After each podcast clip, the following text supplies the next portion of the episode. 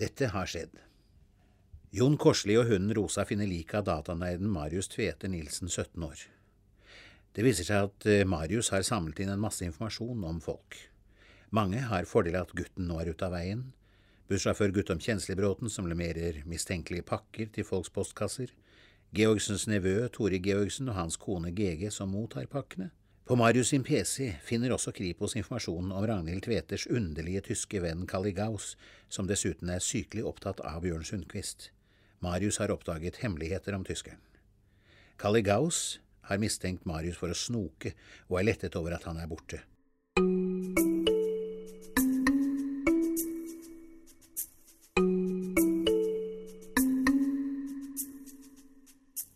Du hører på Amtas påskekrimpod Grøss i grenseland, en kriminalhistorie om folk og hunder i traktene mellom Frogn og Nesodden i fire episoder. Historien er skrevet av Ann Turi Ford og Kirsten Berit Romstad, og blir lest av Kjell Morten Gustavsen. Vi anbefaler selvfølgelig at du hører på de første episodene om du er ny lytter. Velkommen skal du være.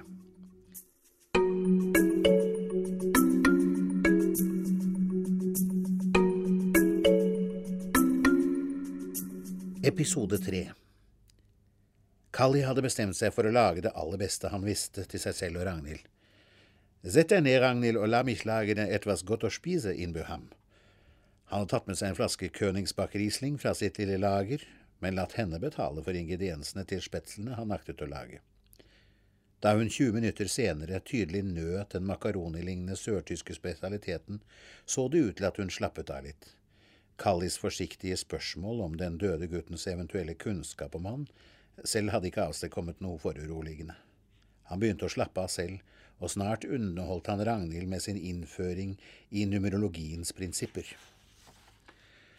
Man regner altså ut tversummen av tallene i fødselsdatoen, for eksempel jeg er født 10. juli 1952, 10 pluss 7 pluss 1 pluss 9 pluss 5 pluss 2 er 34, 3 pluss 4 er 7, Altså min jordlinje er syv, som i numerologien står for analyse av dybde og søke kunnskap og det ukjente, forklarer han mellom munnfullene med hvitløk, urter og spetsler. Ragnhilds tall regnet han ut ble ni. Det sto naturligvis for kunst, følelser, reiser, vidsyn og omskiftelighet. Inni seg tenker han på Bjørn Sundquists jordlinje. Hans fødselsdag 16. juni 1948 ga tverrsummen åtte 1 pluss 6 pluss 6 pluss 1 pluss 9 pluss 4 pluss 8 er lik 35. 3 pluss 5 er 8. Balanse, styrke, harmoni og effektivitet, selvfølgelig. Disse tallene gjorde alt enda klarere for Kalli. Han og Sundquist var ett, nesten.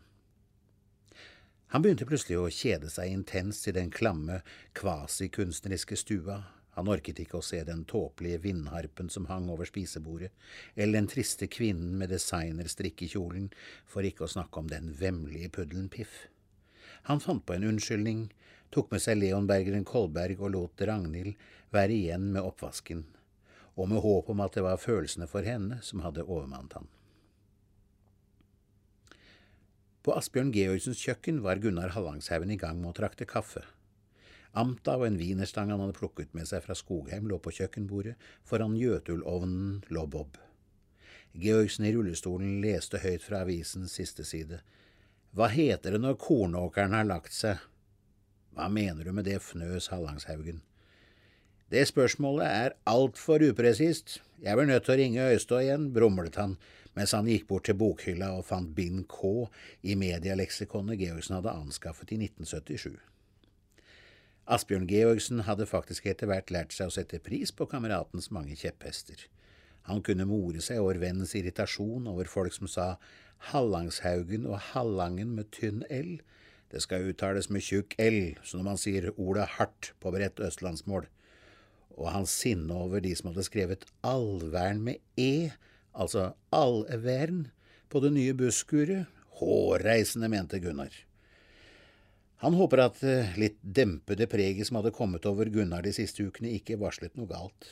Det virket i hvert fall ikke slik i dag, tenkte han optimistisk. Elghunden Bob varslet de aldre mennene om besøk, og snart kom Asbjørns eh, nevø Tore inn døra. Hei, Gunnar. Hei, Asbjørn. Fælt med den døde gutten. Står det noe i Akershus i dag? Han la et hjemmebakt brød og en Tupperware-boks med frosne kaker på kjøkkenbenken. Nei, de skriver ikke noe nytt, svarte Georgsen og spurte etter minigraveren sin. Han likte ikke at den skulle bli stående der de fant liket. Dessuten syntes han godt nevøen snart kunne se å få tatt ned de trærne som sto i veien for utsikten hans. Han ville se bortover Gjøfjell kirke og Myklerud skole igjen. Du, jeg lurte faktisk om jeg kunne låne den graveren igjen, jeg. Jeg har fått tilbud om en liten jobb, skjønner du. Vi, vi trenger litt ekstra penger nå. Guttungen maser om å få mobiltelefon, og lillemor skal uh, på konfirmantleir snart. Og så vil GG så gjerne ha ny salong igjen. Ja, alt koster, vet dere, sa han. Men han tenkte at de absolutt ikke visste. De visste ikke hva han hadde å stri med, de to, som aldri hadde hatt verken unger eller dame. Onkelen kom med et slags grynt, og nevøen tolket det som et ja. I samme øyeblikk nede ved Kongo, i området ned mot Fagerstrandstranda, har GG Georgsen akkurat vært nede i postkassa og hentet ei pakke. Nå pakker hun ut innholdet og er lettet, hun hadde ventet på dette pulveret. Da Tore var dratt igjen, klagde Georgsen over at nevøen var blitt vel frekk og grådig. Ja, her om dagen foreslo han at jeg skulle selge en av myntene mine, ja, du vet den gamle daleren fra 1546 som jeg har i samlinga mi, jeg kjøpte den i en bruktbutikk i København når jeg seilte der på, på 50-tallet. Tore leste et intervju med en myntekspert i Akershusen, en Håkon Ingvaldsen på Fjellstrand. Han tok med seg myntsamlinga mi og lot fyren få se på den. Det viser seg at myntene er en såkalt eh, Gimsøydaler, som skal være verdt over en million. Men jeg vil ikke selge den, sa Georgsen og kastet et blikk bort på kjøttkakene. Nei, dem får vente med å grebbe til seg til jeg er dau, hvis jeg lar dem arve meg, da. På Fjellstrand pizza og grillbar satt Jon Korsli og nøt en sjenerøs porsjon med kebab i pitabrød til lunsj. Dagens tur for han med den engelske setteren Rosa hadde gått gjennom skogen over Svestadåsen. Et par steder hadde han måttet ta trugene fram fra ryggsekken.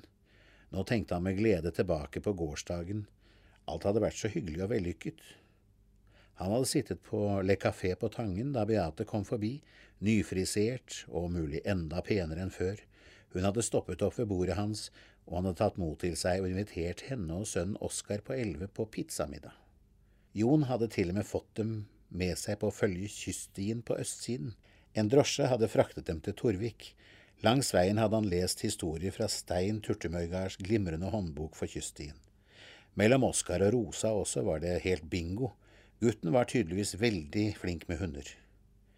Ved Beates side langs den hyggelige stien gikk det opp for Jon at han mer enn alt annet savnet en livsledsager. Et savn han nok hadde kapslet inn etter at kona Lillian døde av kreft for ni år siden. Beate var også blitt alene da Oskars far omkom i en arbeidsulykke sommeren 2000. Det kom fram at gutten sårt savnet en farsfigur. På Via Napoli på Berger hadde alle tre delt en stor tangenpizza, og Rosa, som ventet på utsiden, hadde fått noen godbiter av mannen bak disken. Innen måltidet var over, hadde Oskar, Beate og Jon bestemt seg for å starte en spiseklubb. De skulle spise ute sammen hver uke, og nå glede seg til pasta på paviljongen, patentsmørbrød på Pauls kafé og catering, middag på kafeen på Sunnøst sykehus og kanskje den på Nesoddtunet, og til sommeren skulle de på Helviktangen og Signalen. Kalli satt på båten på vei tilbake til Nesodden etter et møte i Oslo. Han hadde tilbudt sine terapeutiske tjenester til en fyr innen Da Silva-systemet, og trodde nok de ville slå til. Vanligvis drakk han bare Robios-te fra Helios, men i dag hadde han gitt etter for lysten til å drikke kaffe. Han sto litt vikingmelk oppi koppen, og på vei inn på båten hadde han tatt med seg Dagbladet fra en av de grønne plastkassene båtfolkene hadde satt fram til avisinnsamling. Midtveis, ned mellom stolradene, stoppet han opp, fylt av en sterk opphisselse. Hvem var det ikke som satt på en av stolene? Jo, Bjørn Sundquist med kaffe og avis. Kalli satte seg på setet bak skuespillerkongen, mann over alle menn. Han hadde observert at Sundquist, som han selv brukte vikingmelk i kaffen, han følte en vill henrykkelse. På Tangen brygge gikk Bjørn Sundquist i kiosken og spurte etter nøkkelen til toalettet. Mens den underlige fyren med den store hunden som hadde plaget han i det siste, sto og vaket i venterommet, slo han nummeret til lensmannen Kai Snipstad og sa «Eh, Bjørn Sundquist her, du. Jeg trenger hjelp. Jeg ble plaget av en mann her ute. Jeg tror han er tysk. Han følger etter meg og står ofte utenfor huset mitt om kvelden, dette begynner å bli ubehagelig. Nå står jeg på toalettet på Tangen brygge mens mannen venter utenfor. Etter å ha gitt Sundquist beskjed om å bli værende der han var, tok Snipstad med seg Sandstø og kjørte ned til brygga. Men ingen tysker var å se. Ute av toalettet beskrev Sundquist sin forfølger, og politimennene skjønner at det høyst sannsynligvis dreier seg om Kali Gaus. Han fortalte også at mannen hadde en hund som var helt lik den han selv hadde i rollen som Seier i Karin Fossums kriminalhistorie. Sundquist blir kjørt hjem og utstyrt med voldsalarm og Snipstads mobiltelefonnummer. Ring når som helst, vi skal sørge for at du får en politivakt. Tilbake på kontoret slo Snipstad nummeret til sin fetter i Kripos. Denne mannen er hva vi kaller en stalker, mener Rolf Viktor. Det er en som driver trusler, forfølgelse og angrep mot utvalgte mennesker. De er mentalt ustabile personer, og de gjør en stadig økende problem. Det har vi merket her i Kripos. Det er en svært uh, komplisert diagnose som ofte feiltolkes. Stalkere kan være kjente eller ukjente for offeret. John Lennon ble eksempel drept, av en stalker. Dette bør du ta svært alvorlig, Kai. Til gamle dagers Ørn fabrikkutsatt på Fagerstrand, der Kiwi nå ligger, kom Oskar gående. Skolen var akkurat ferdig for i dag, og han hadde lovet mamma å kjøpe med seg hvetemel. De skulle lage boller til kvelden.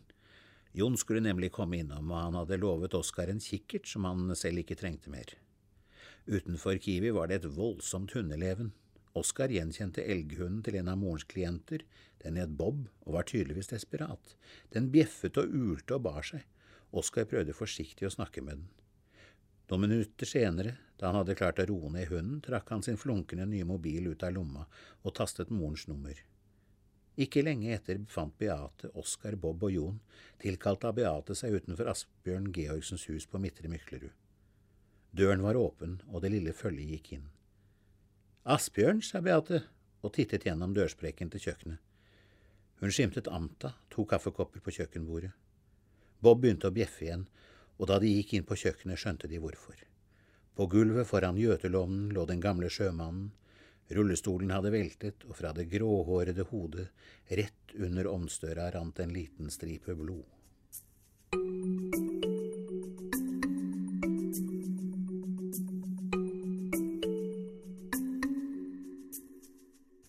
Du har nettopp hørt tredje episode av Grøss i grenseland, en kriminalhistorie om folk og hunder i traktene mellom Frogn og Nesodden. Følg med i neste episode for å finne ut øh, hva er det egentlig som skjedde på kjøkkenet til Asbjørn Georgsen? Og vil Bjørn Sundquist få bruk for voldsalarmen? Følg med, følg med.